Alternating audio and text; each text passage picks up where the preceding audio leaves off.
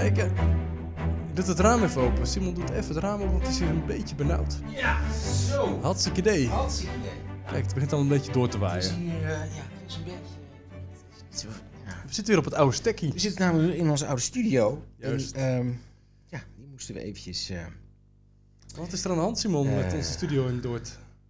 Ja, onze studio, die gaat, eh Die gaat, gaan we eh, afscheid van nemen. Ja, hij is overgenomen, hè? Hij is over de, studio. Ik weet niet of de, of de nieuwe eigenaar weet dat hier een wervelende podcast productieapparaat uh, Is dat eh, niet eh, bepaald be- be- bedongen bij de verkoop dat, eh, dat wij hier mogen blijven opnemen? Of? Of dat de rechten, dat we iets van rechten kunnen verkopen. Ja, precies, ja. Dat, eh, dat zouden we in de verkoop nog... eh, Dus we moeten op zoek naar een nieuwe studio. Ja, ik denk het wel. Ik weet niet tot, tot... Volgens mij hebben we nog een maandje of zo. Dus, eh, eh, Mogelijk is dit de laatste hier in Dordt. Een van de laatste op, opnames Oh, in onze ja, vaste stack. Dus, eh, maar ja, hè, dat hoort erbij. Ik vind het jammer. Ja, ik ook. Ik Hey. eh, zit hier buiten gewoon prettig. We zijn weer begonnen, Simon. Ja, hey, maar jij, jij had een... en jij tovert ineens een bouteille uit je Ja, tas. ik, ik heb iets uit de, even uit de ijskast getrokken. Dit is een, eh, opnieuw een bouteille bubbels. We hebben hem al opengemaakt. Ja, Met eh, de smaak van succes, Simon. Daar is hij weer. succes. Ja, de quote uit... eh, toen we in Middelburg ook een succes vierden. Ja, nee, ons bela- aantal beluisteringen is opnieuw verdubbeld. Dus eh, dat Ja, gaat is- enorm goed Het gaat ons. through the roof. Hopsakee. En dat is toch wel mooi voor ons als, ja, in principe niet historici. Ja, wij zijn... ehm, wij zijn namelijk... Today now it's Christmas time. Do they know it's Christmas time at all? Come on, give me your number five, Chisel. Come on, Johnny. Give me your number five.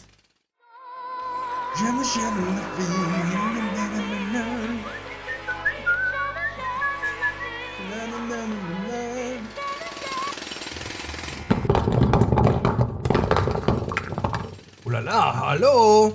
I can, I can hear them. Bonjour. Qui sir. Hey, hello. Hi.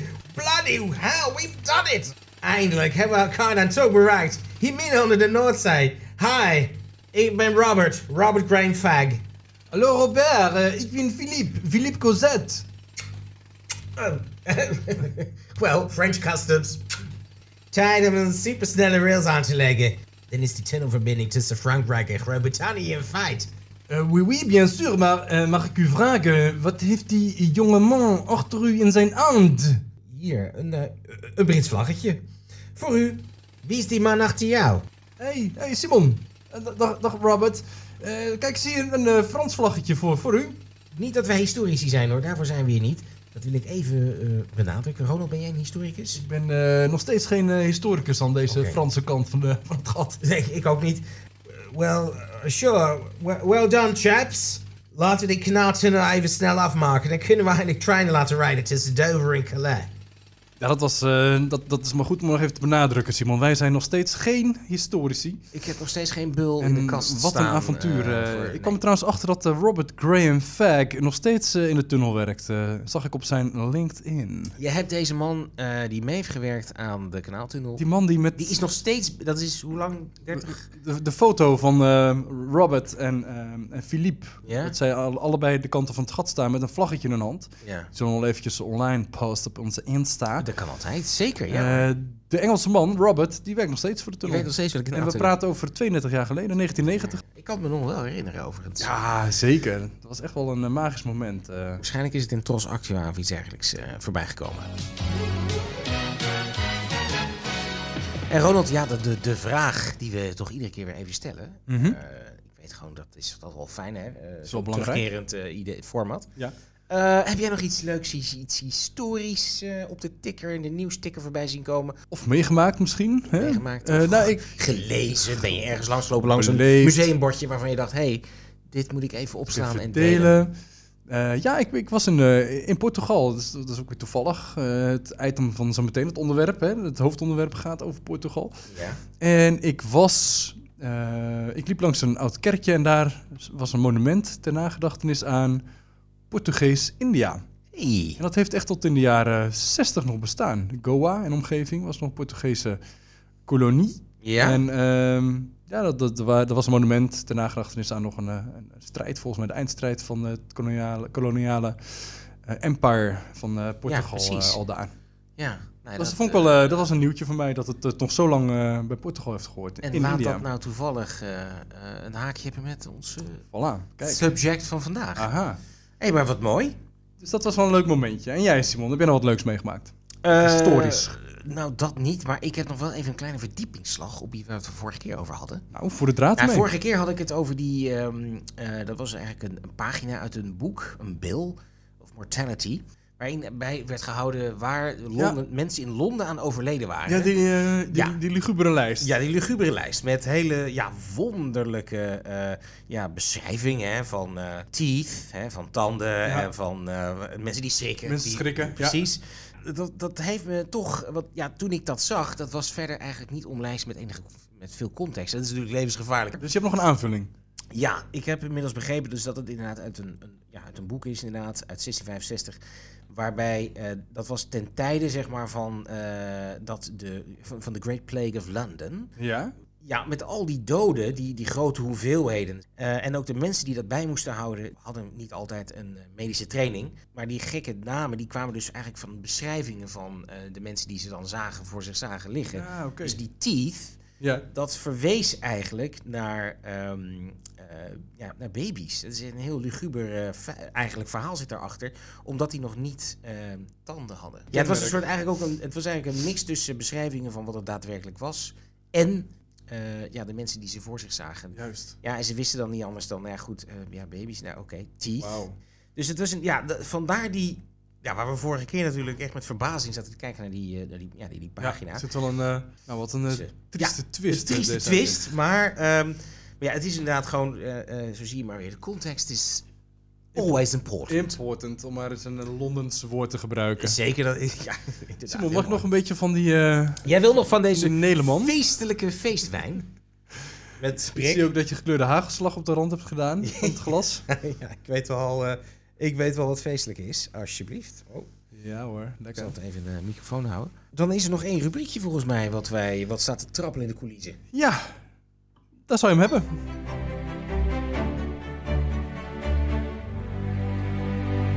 Je had eh, twee afleveringen geleden had je het over die uitkijktorens. Ja, absoluut. Eh, die uitkijktorens die in de eh, Koude Oorlog waren opge...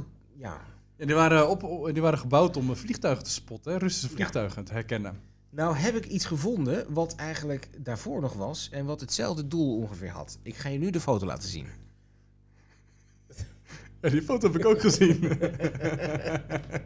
Dat Wat is- zie je? Dat is een, eh, een man die eh, staat in een stellage, een driepoot. En op die driepoot staan werkelijk, als ware het een verrekijker voor de oren, enorme...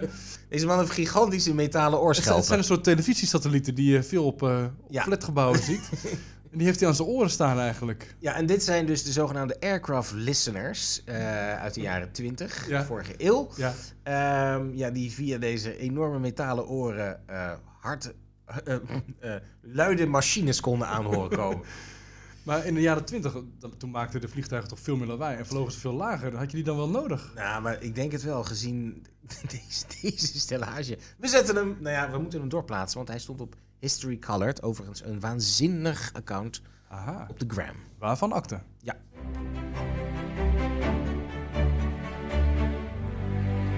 Nou, Simon, wat een bijdrage, joh. Echt, de historische feitjes vliegen ons hier om de oren in deze Potpoe History. En het doet onze Ja. podcast toch weer zijn naam eer aan. daarom ik vind dat we af en toe weer eens even terug moeten naar de kern waar we vandaan komen. Heel goed. Zeker nu het nog kan in ons, op ons eh, oude vertrouwde nest waar we ooit begonnen zijn. Ja. Midden in het hart van Dordrecht. Want volgende keer zitten we misschien wel in een bushalte ergens. Ik weet het niet waar we gaan opnemen. Ja, en dan gaan we nu naar het eh, hoofdonderwerp. Simon, het hoofdonderwerp. We hebben dat eh, meegekregen van Jan. Zullen we nog even luisteren naar wat Jan ons meegaf? Spoel eh, Jan even terug. Ja. Ik ben heel benieuwd Ja. ja, wat, wat nou de invloed is geweest van die Hendrik de Zeevader op het nou ja, veranderende wereldbeeld. Die Hendrik de Zeevader die heeft daar een enorme rol in gespeeld. En dat is eigenlijk altijd een beetje een onderbelichte rol gewe- ge- geweest. Want we hebben het altijd over de ontdekkingsreizigers gehad. En dan komt Columbus bovendrijven. Maar Hendrik de Zeevader is daar echt een, een, een hele belangrijke speler in. Daar wil ik iets meer over weten, Ron. Ja, dat was wel weer een heel interessant onderwerp. Ik geef het woord maar aan jou, Simon. Ja, Hendrik de Zeevaarder. Ja, dat was ehm, ja, een de, ja, de derde overlevende zoon van eh, koning Johan I van Portugal. Oké. We hebben het hier over eh, ja, 1394 is hij geboren. Dan hebben, we En- het o- hebben we het over een prins. We hebben het over een prins, een Portugese prins. Hij werd ook al Infante Dom Henrique genoemd. En Infante, ja, een Kind. prins, eh, Prins? kinder, Oh, eh, ja, koningszoon, prins. Zien. Ehm, en ehm, ja, en, en normaal is het zo, hè, met de, de derde zoon, ja, wat, eh, de- je hebt dan al de heir en de spare, en dan heb je nog ja, de derde. Ja. Oftewel, ehm, ja, die de, moet... de Blackadder van ja, de die moet, precies, die moet natuurlijk ook eh, op de een of andere manier zijn ja, roem en faam eh, verwerven. Zeker. En dat is hem toevallig eh, ja, heel erg gelukt, want hij, ehm nou tik het maar eens in aan Google.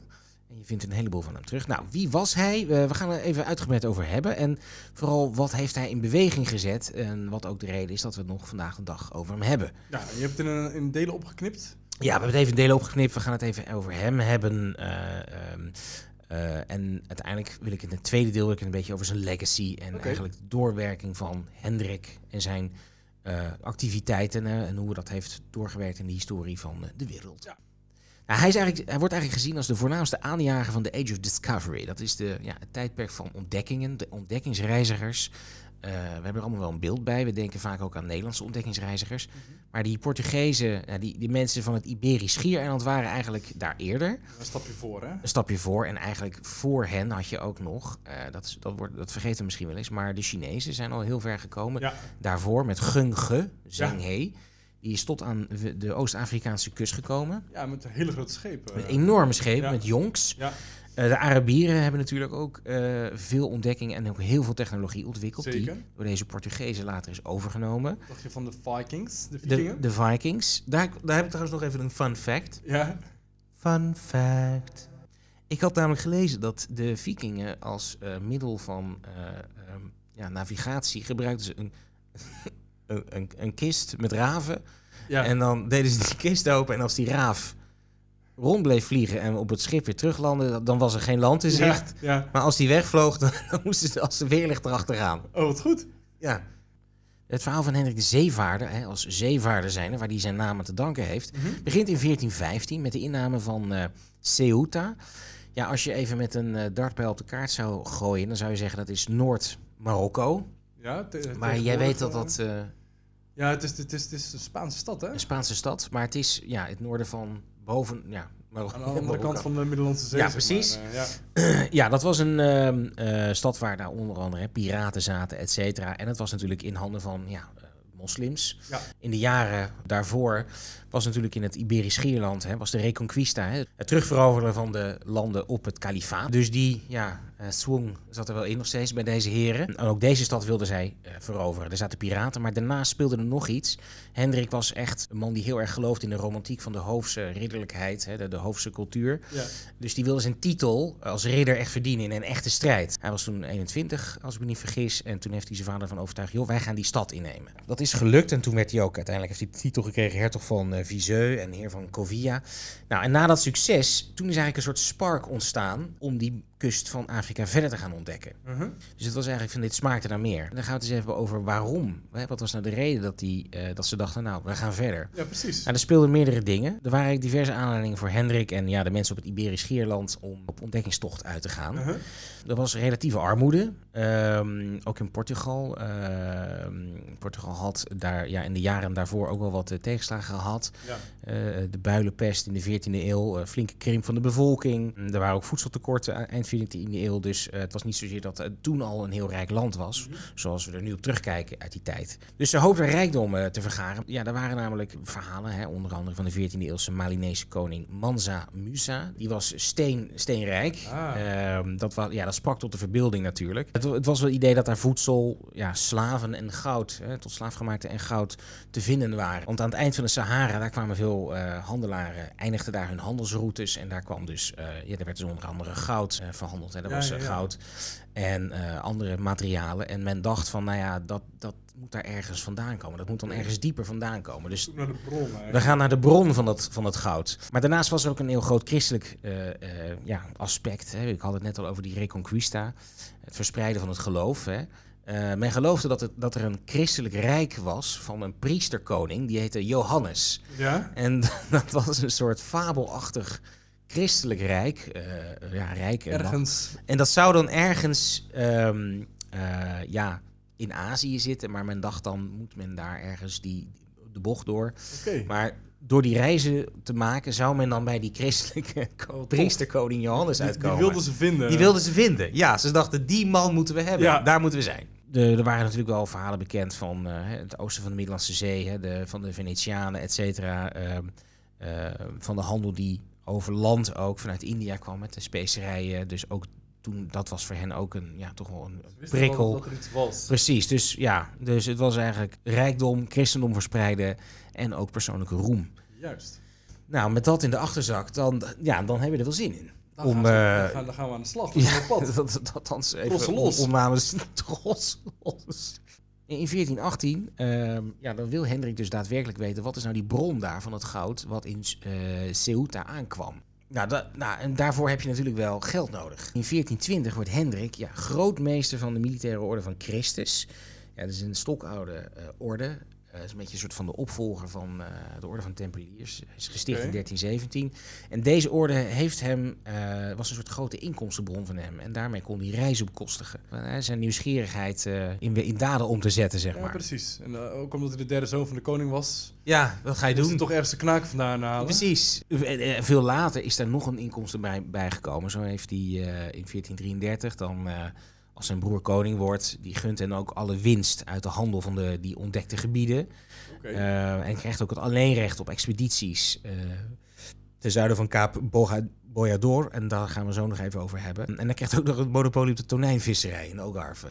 Dat is op zich prima. Dus hij heeft het goed voor elkaar qua is inkomsten. gekocht. Zijn is gekocht, ja. Die eh, expedities, eh, ze gaan erop uit. Je hebt in 1431 wordt eh Gonzalo Velho, ik heb waarschijnlijk totaal verkeerd uitgesproken, erop uitgestuurd om de locatie van een bepaalde eilanden te identificeren. Dat waren de Azoren. Nou, en vanaf dat verhaal, ja, dan, dan, dan buiten je eigenlijk over de, de jaartallen. Want dan gaan we steeds een stukje verder, schuiven we naar beneden toe. Er is een soort eikpunt aan die West-Afrikaanse kust. Ja. En dat is die Kaap Boyador. Dat was een soort van punt waar eigenlijk nog niemand verder naar beneden was gedaald. Nou ja, als je daar bent, nou ja, dan, dan, dan, dan gaat er wat gebeuren. Dus eh, tot, Dan is tot, het grote onbekende daarachter. dat is het grote onbekende inderdaad. Je had daar hele sterke wind uit het noordoosten, wat het ook inderdaad een moeilijk gebied maakte. Waarom men niet verder durfde, dat, was, dat is eigenlijk best wel grappig. Men was gewoon daadwerkelijk bang dus van wat, daar zich, eh, zou, wat ze daar zouden aantreffen. Ze dachten aan zo, zeemonsters uiteraard. Kokend water rond Evenaar. Ze dachten dat het water daar kookte. Ja, ja. En ze noemden het ook wel de donkere zee. Ze wisten namelijk niet wat het was, hè, die, die donkere zee. Dus ze waren ook gewoon echt bang voor, ja, wat gaan we daar aantreffen? Oké. Uiteindelijk is er, heeft hij die iemand op afgestuurd. Gilles Aynes. Was een, nou, dat was een eh, bekende ontdekkingsreiziger uit eh, de stallen van Hendrik. Ja. Eh, en hij is eigenlijk, ehm, ja, hij werd erop afgestuurd. Jij gaat naar die Kaap Boyador eh, toe en jij gaat eromheen. Ja, in 1433, nou ja, hij gaat er naartoe. Ja. Maar ook hij faalt, want hij, hij wil niet. Hij durft niet. Hij dorst niet. Ja, Oké. Kaap Boyador in zicht! Kaap Boyador in zicht! oké. Ja, ik durf niet meer, jongens. Ik ga terug. We gaan terug. Wat, ben je bang voor? Ja, even kijken. Eh, jongens, kom eens even hier. Kies er een uit. Eh, even kijken. Donkere zee, kokend water, zeemond. Ik ga voor kokend water. Ik denk dat we daar kokend water aantreffen. Nou, ik vind zelf kokend water ook een eng idee. Eh, nou, dan pak jij... Nou, oké, jij pakt kokend water. Ik pak zeemonsters. Joao, wat denk jij? Eh, zand? Nee, ja. Je moet even van deze drie kiezen. Eh, Oké. Ehm, zeemonsters? Nee, die, heb jij, die heeft hij al. Donker water. Ja, Op. vaar maar om. Ja, klaar om te Stuur- wenden. Nou ja, en dan komt hij dus terug bij Hendrik. Nou, en die voet het hem uit. En heren, wat hebben jullie allemaal kunnen vinden voorbij Kaap Boyador? Eh, we, zijn, we zijn er eh, niet verder gegaan dan Cabo door. Jullie zijn niet voorbij Kaap Boyador gegaan, terwijl ik, Hendrik de Zeevader, zoon van de Portugese koning, jullie daar opdracht voor heb gegeven. Wat een minkukels, jullie gaan terug! Ja, maar we, du- we, durven, we durven niet. Zo waar ik Hendrik de Zeevader Oké, heet. oké. Ik ga wel terug in die boot. heet de, de, de zeevaarder. Niks een zeevaarder. Kijk het maar. Zei je nog wat? Nee, we gaan. Bon voyage. En eh, Geel, die gaat terug. En inderdaad, het lukt hem wel. Dit keer lukt het hem eh, om voorbij Cabo door te varen. Hè? Eh, en dat ligt aan de noordkust van de westelijke Sahara, wat vandaag de dag westelijke Sahara is. En, en vanaf dat moment ja, komt het een beetje een stroomversnelling eigenlijk. Nou, er waren diverse ehm, ja, technologieën, en daar komt Hendrik ook om de hoek zetten, die hielpen om uiteindelijk wel die stap te maken. Nou, ze hadden de Portugezen onder meer de, de Carvel on- ontwikkeld. Dat was een schip, een heel soort van licht wendbaar schip, waar, waar ook wel kanonnen en zo op konden. Zo hebben de Portugezen ook ehm, eh, geleerd hoe ze met de Volta do Mar eh, eh, om moesten gaan. Dat is dus een navigatietechniek eh, om zeg maar terug te kunnen keren van reizen langs de kust van Afrika. Nou, een andere belangrijke verovering Uh-huh. is, ehm, is Madeira, de, de eilanden van Madeira. Maar Madeira is wel met succes, zeg maar, onder de vlag van Hendrik ja, gekoloniseerd. Ja, ja. En uiteindelijk is daar een hele florerende suikerriet-economie Ah. ontstaan. ja. Eh, waarbij ze ook eh, ja, tot slaafgemaakten uit West-Afrika te werk hebben gesteld. Maar Ma- Madeira is voor hem, ook voor hem persoonlijk, als soort van overwinning hè, van wat hij bereikt heeft, een heel belangrijk punt. Mhm.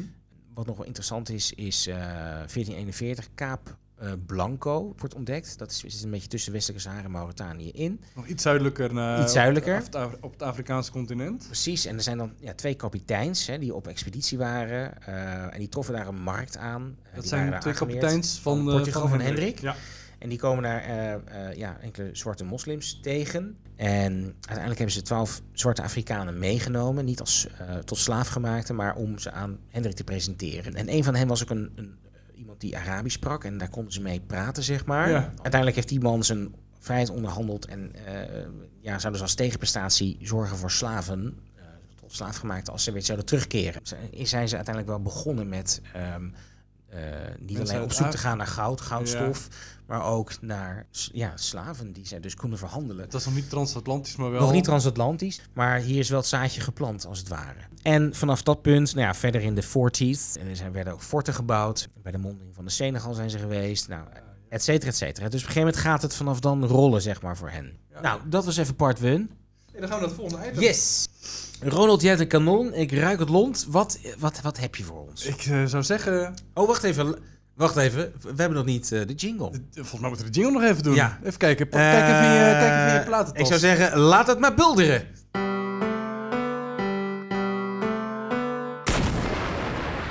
Simon. Waarde Simon. Ja, komt Luister en. Ik zit te popelen. Ken jij nog Nederland 3?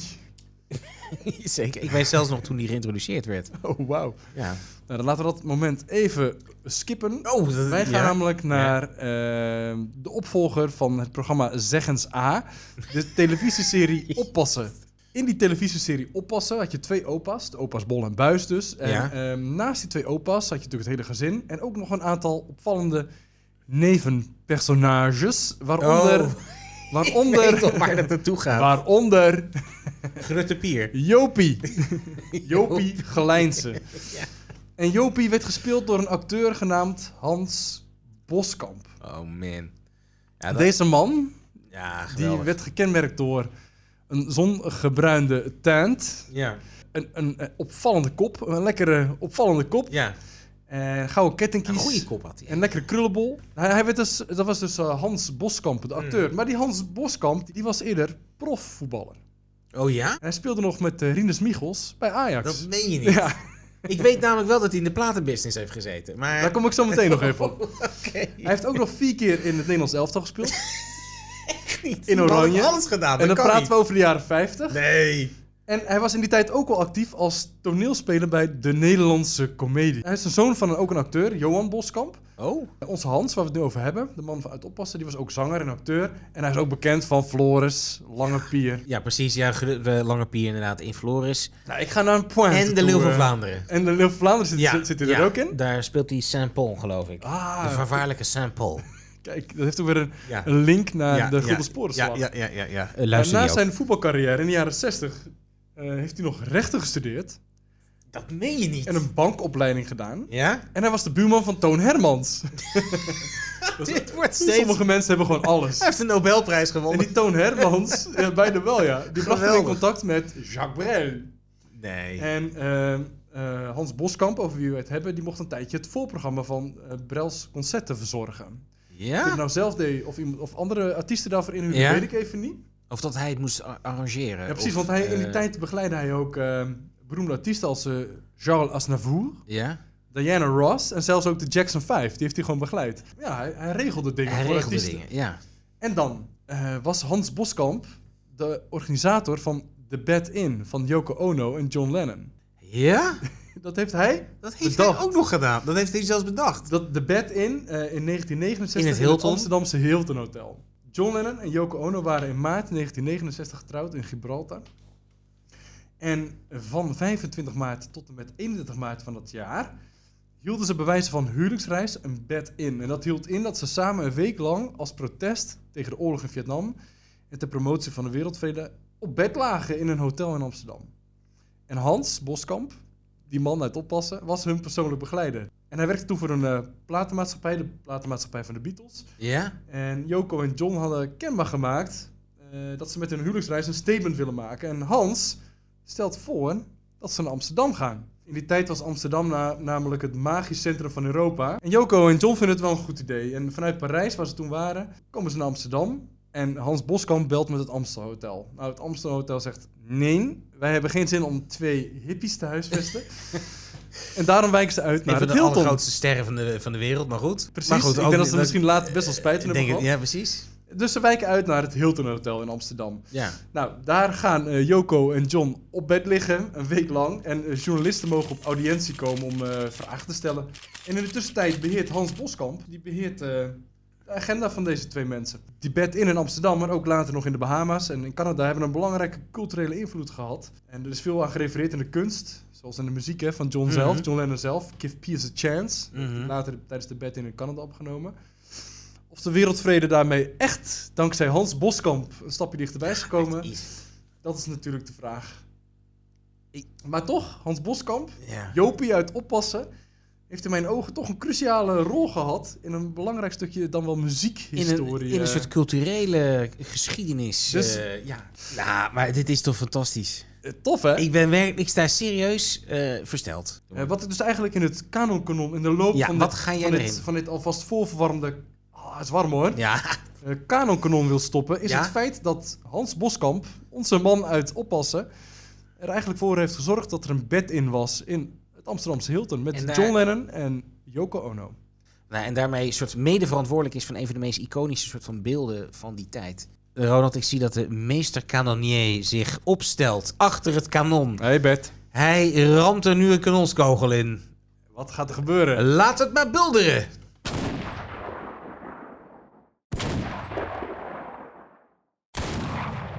Ronald, je hebt er drie om je oren gekregen. Dus dat betekent dat in onze alternatieve kanon, die Ja. wij aan het opstellen zijn, parallel aan de Nederlandse kanon, Ja, aan kanon de van Leeuwardense Nederland, kanon, De kanon van Zutphen.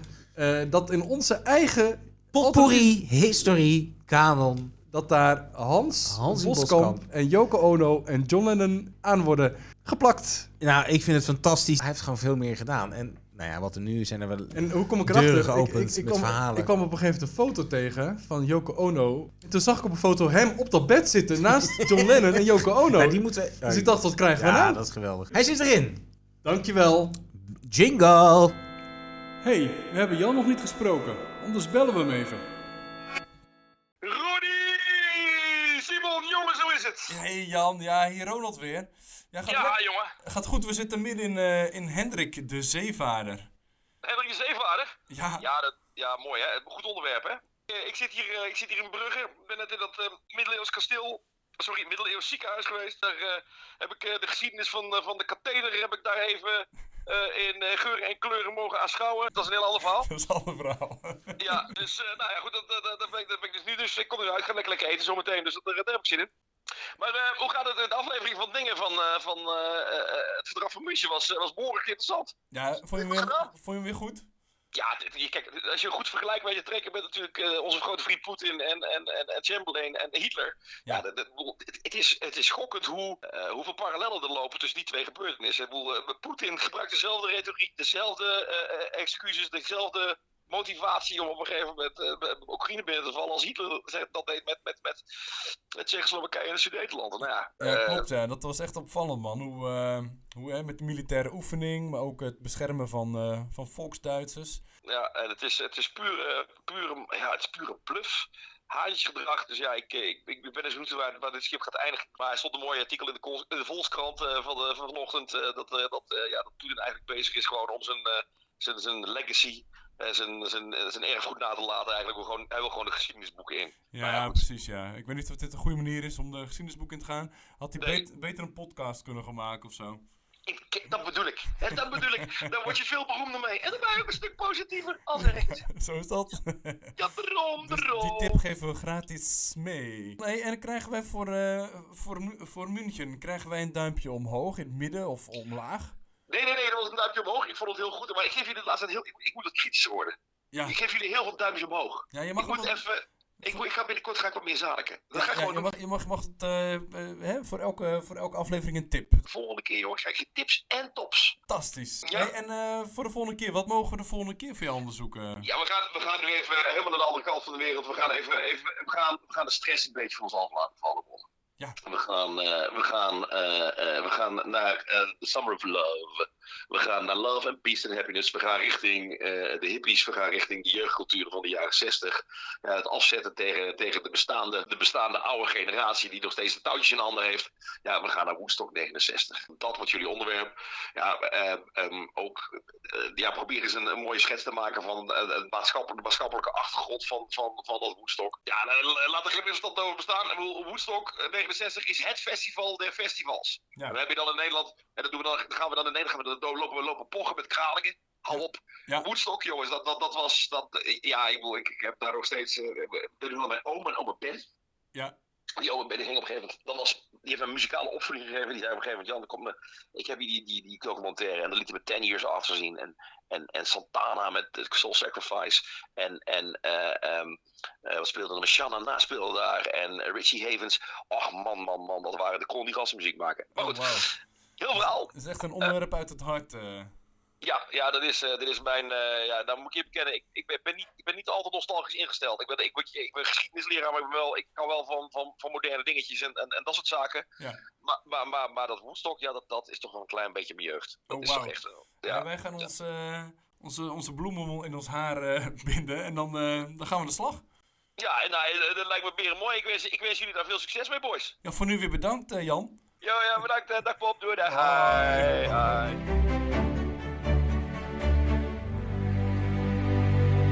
Ja, Ronald, wil ik toch nog even één dingetje want, eh, doen voordat wij naar part 2 van ons verhaal gaan. Ja, dat is goed, joh. Jij, jij had nog wat leuks meegedaan. Ja, ik had nog wat leuks meegedaan. Dat is, nou ja, eigenlijk, we hebben een eh, zeer trouw luisteraar, Laurens. Die heeft... eh, Hoi, Laurens. Hallo. Die heeft een aantal stukken ingestuurd, omdat hij weet, hè, vriend van de show, dat wij af en toe, nou, vooral ik, eh, af en toe wel eens wat Koningsdagen. Oh, je gaat weer eh, over Koningsdagen, uh, Koninginnedagen. Ik wil er even een special van, een, de kortste special van Nederland van maken.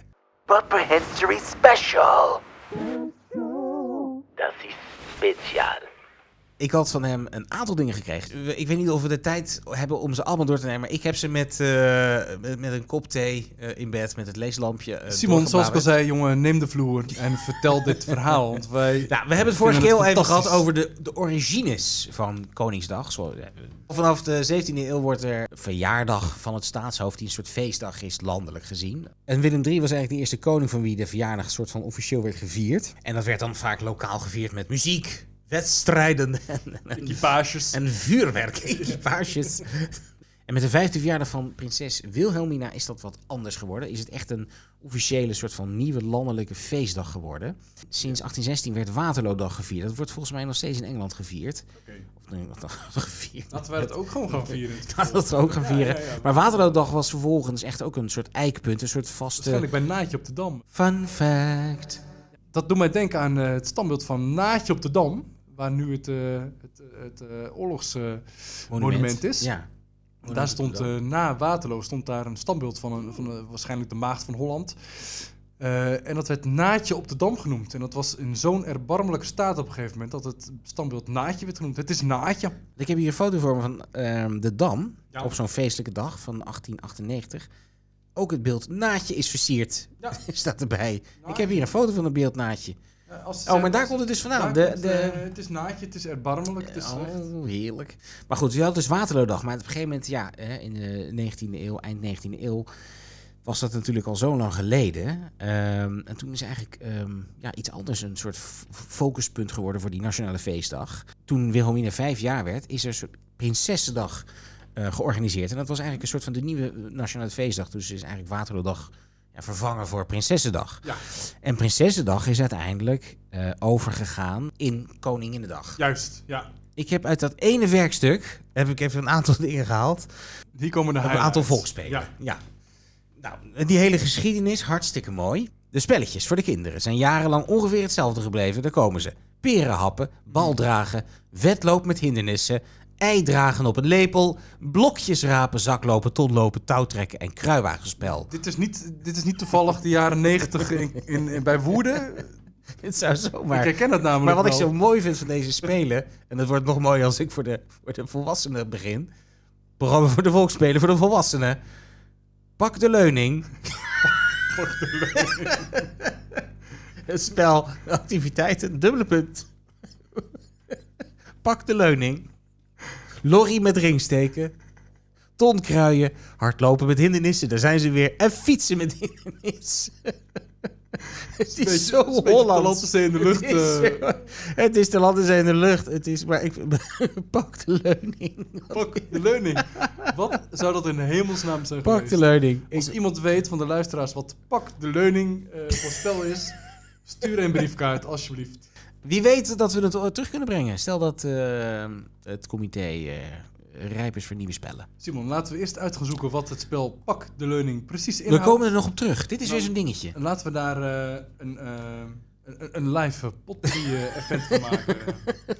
Nou, op eh Potpourri Live kunnen we wel eh Pak de Leuning eh, introduceren. Ja, want als, eh, eh, Between Two Hooks, wij ja. zijn aan het praktiseren over eh, hoe potpourri live vorm te geven. Sinds vandaag. Ja, laten we, laten we Zaaltje Brouwer afhuren in eh, Utrecht en eh 50 mensen. eh, Want je brouwer, daar zit volgens mij een sportschool tegenwoordig. dan kijken of het uitvoert. Nou, kijken of er dan twee komen, dan, dan, eh, dan kunnen we Potpourri Live eh, eh, opnemen. Ik vind het nog steeds een leuk idee. Ja, zeker. Dus op een podium Pak de Leuning gaan spelen. pak de leuning spelen. Nou, ik zeg eh, jingle.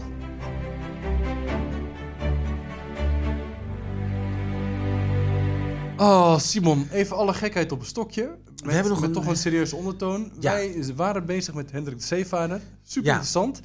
Ik zou het leuk vinden als je eh, met deel 2 zou starten. Enrique. Als het u behaagt. Nou, dat behaagt mij bijzonder. Nou, we zijn, eh, we- even kijken, waar- we net waren geëindigd. eh even kijken, 1445. Nou, 1460 is die overleden. Maar die ontdekkingen, ja, die gingen dus eigenlijk gestaag voort, hè, langs die West-Afrikaanse kust. Ja.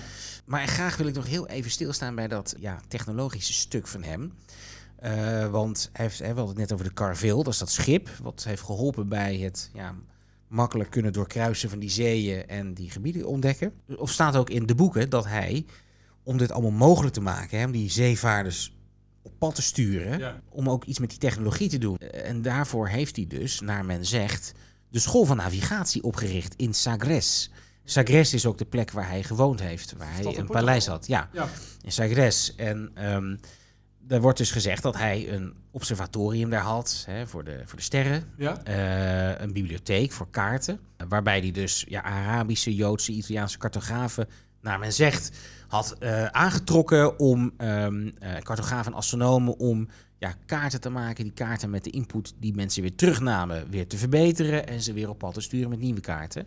Ja, dus hij, hij wilde dat, hij wilde al die kennis bundelen en weer gebruiken om nieuwe expedities op te zetten. Oh man, eh, Vasco. Ah man, wauw. Ik heb gisteren gestapt op de kroeg bij het SCC in Sagres. Eh, mag ik eh, voor jou trouwens Oh, de aantekening voor het astrolabium eh Ja, ik heb lenen? eh, 12 perkamentrollen. Ik heb geen idee waar ik ze...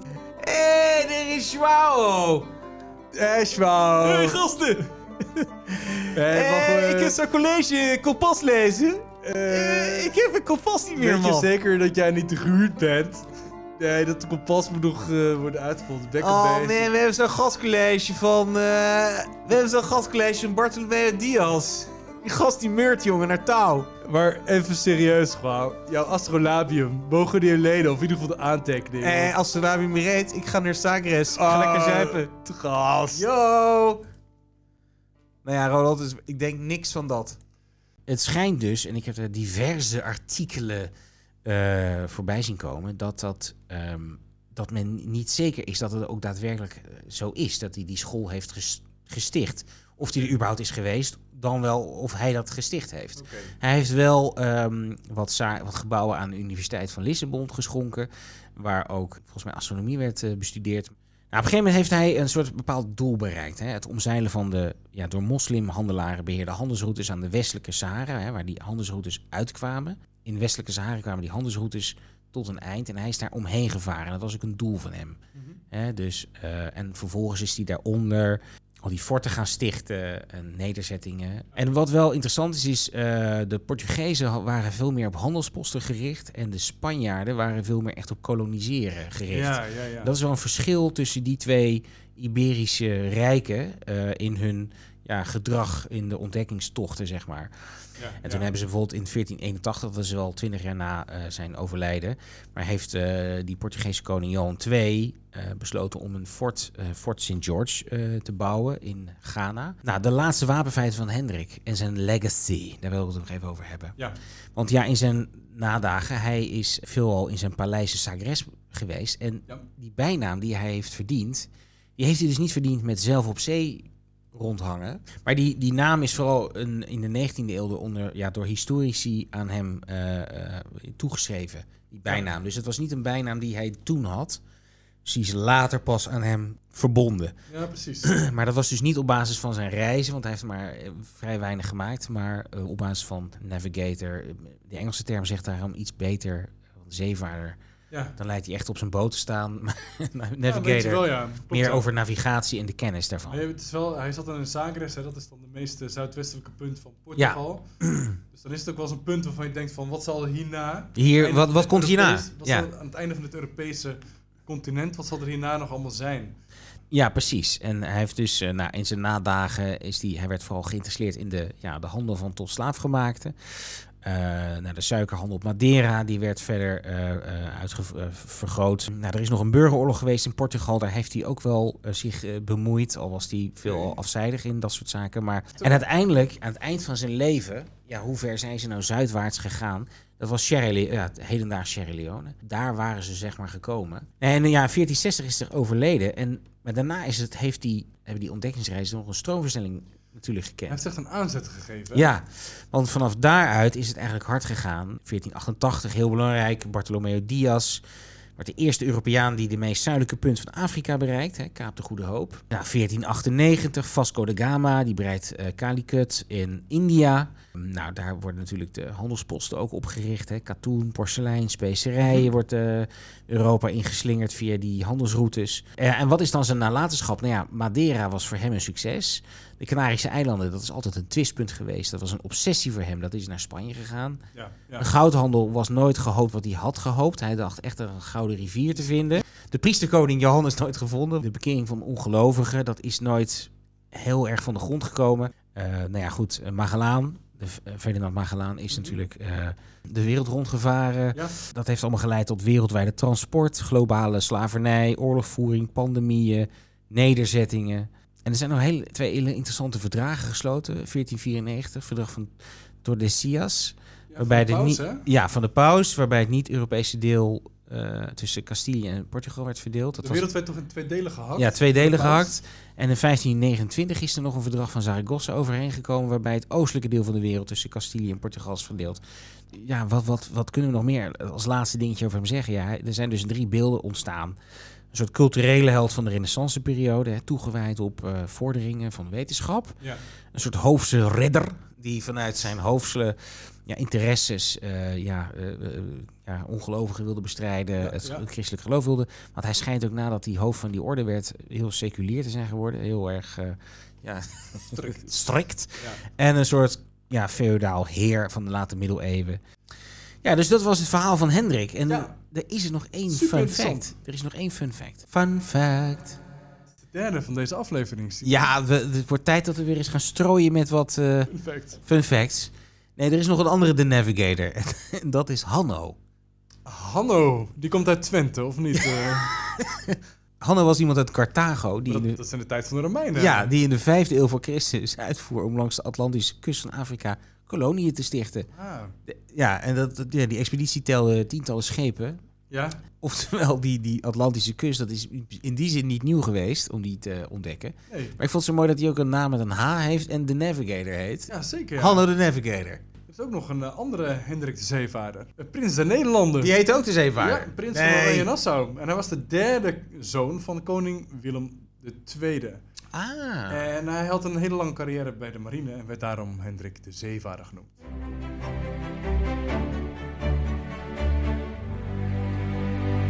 Eh, Astrid Joosten, stop de tijd. Eh, Simon, ik weet inmiddels wat het spel Pak de Leuning inhoudt. Echt waar? Ik heb even gekeken op Delver, om- een van onze oh ja. favoriete bronnen. Ja. En ik kom tegen in het Vaderland, en dat is een, een courant eh, Ja. van 13-5-1882. ja. Eh, een stukje over de Haagse kermis. Het was gisteren haast al te woelig op de kermis. Jolige clubjes hosten door de kramen onder het gezang van Pak de leuning. Het getal beschonken personen was echter minder dan voorheen, dankzij de drankwet. De tentjes, waar de leuning wordt gepakt, en waar de niets kwaads vermoedende bezoeker door aanwending van elektriciteit een hevige schok krijgt, die den lachlust van de toeschouwers opwekt, werden letterlijk bestormd. Dit is waanzinnig. Het is gewoon een, een, een stroomschok die je krijgt. Stonden mensen, pak de leuning! En dan pakte de beste leuning, dan kreeg je een, eh, dan kreeg je een opdonder. Dat is pak de leuning. Ja. Maar in die tijd heel slecht gereguleerd. Maar geen ik- ik- KEMA-keur. Ik wil even een. Nee, dat was geen. Ik wil eventjes, de, Ja. even, eventjes terugkomen op het feit dat wij tijdens onze live-opname dus niet pak de leuning. Nee, we gaan geen... Tijdens ehm eh Poppery Live. Live. Geen pak de leuning spelen. Ik Ja, we vermoed... hebben wij nog iets? Ik, nee, dit was het. eh, de, de- het is leeg. Op. Oh, man. we, we zijn, eh, we zijn er doorheen. Eh, dus ik denk dat wij even een leuningje gaan pakken. Ja. Eh, Pak de leuning. in het café. Laat, Ja. we, we ruimen hier de boel nog even op en dan. eh, ja, waarschijnlijk was het de laatste keer hier, Simon, in ons hoofdkwartier, in het moederschip. Ja, hier, we, we, we hebben ooit de eerste aflevering. Nou, misschien moeten we nog eens een bonusafleveringetje doen in de keuken of zo. Eh, waar we ooit begonnen zijn met de eerste pilot-aflevering van Worms. En dan moet wel de, de gam weer even een beetje voor lief nemen. Ja, precies. En eh, de, de conciërge moet er wel, wel weer aanwezig Dat zijn. vind ik ook. En, ik vind, en dan kunnen we ook nog één keer zien hoe Zwijndrecht zich opmaakt voor de nacht. Ronald, met deze poëtische woorden eh, gaan, gaan we beëindigen. Simon, dankjewel. Dankjewel. Tot de volgende keer. Trouwens, wat zit je ontzettend... eh Strak? strak. Nee, nee, gewoon uh, goed. Ja, ja. Thank you.